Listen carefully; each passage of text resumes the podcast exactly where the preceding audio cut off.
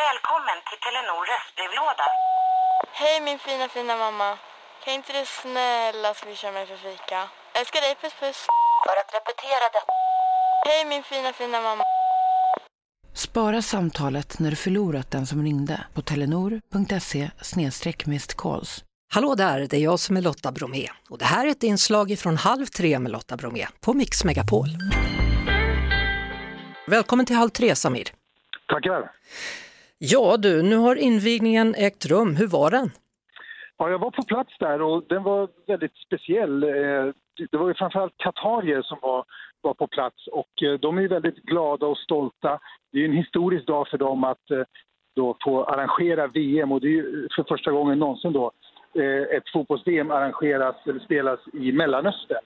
Så för dem var det väldigt stort. Men samtidigt så är det ju det här ett oerhört kontroversiellt och, och hårt kritiserat mästerskap. Och det handlar ju framförallt om hur Qatar behandlar migrantarbetare, de som har varit med och byggt upp eh, alla de här arenorna och flygplatser och motorvägar och så. Och även då deras brister när det gäller mänskliga rättigheter. Till exempel så är homosexualitet förbjuden här enligt lag. Så det här har ju hamnat i centrum kan man säga, alla de här problemen och, Mm. och, och sporten har hamnat liksom i andra hand. Dessutom var det så då att det sämsta resultatet på 92 år ägde rum i inledningsmatchen. Qatar fick stryk mot Ecuador med 0-2 och väldigt många av dem i publiken då gick i halvtid där.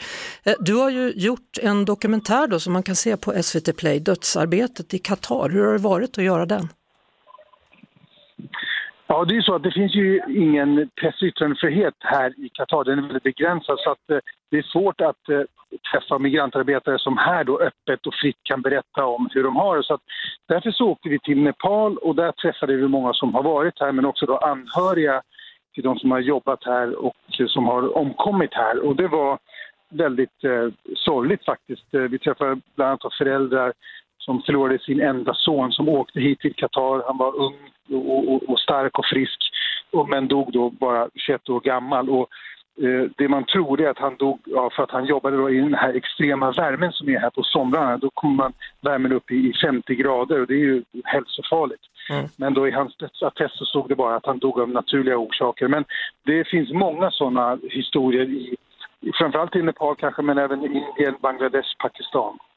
Och idag så går England in i turneringen och de möter Iran där det nu står 3-0 efter den första halvleken då.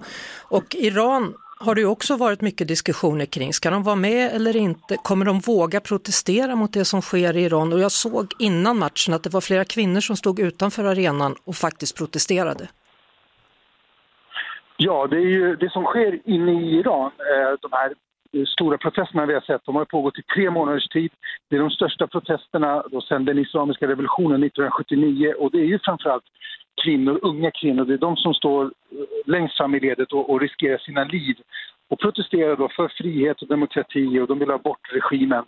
Och nu då så har då den senaste tiden och till och med idag då så, så höjs ju röster då från från vanliga iranier som kräver att då landslaget ska protestera.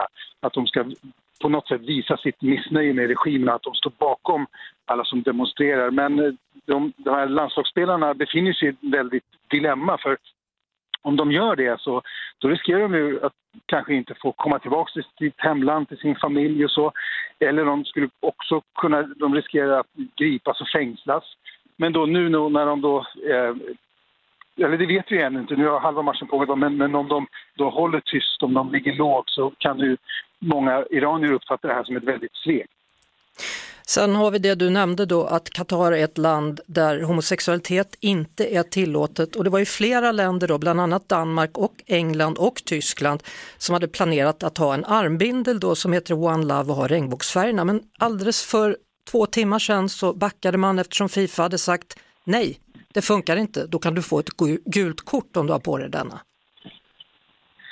Ja, så de här lagen, landslagen vek ner sig då för Fifa och accepterade att inte ha den här bilden. För det var ju många som trodde att de skulle eh, visa på, på det här, att de, de inte gillar, att de inte accepterar då de här, den här diskriminerande lagen här i Qatar. Men vi får väl se här under mästerskapet. Jag tror också att fans tillresta, de som är här, att de kommer manifestera eller protestera på något sätt. Vi såg det innan VM, vi har inte sett det än så länge, nu har vi precis börjat här, men vi, vi får väl se.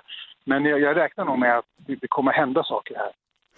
Tack så mycket Samir Abueid med oss direkt alltså ifrån Qatar och vad skönt att det funkade till slut då Samir.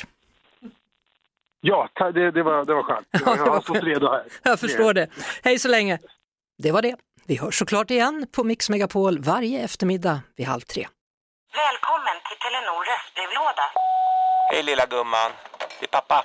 Mamma sa att du hade ringt. Ring mig igen. Jag är hemma nu. Puss puss.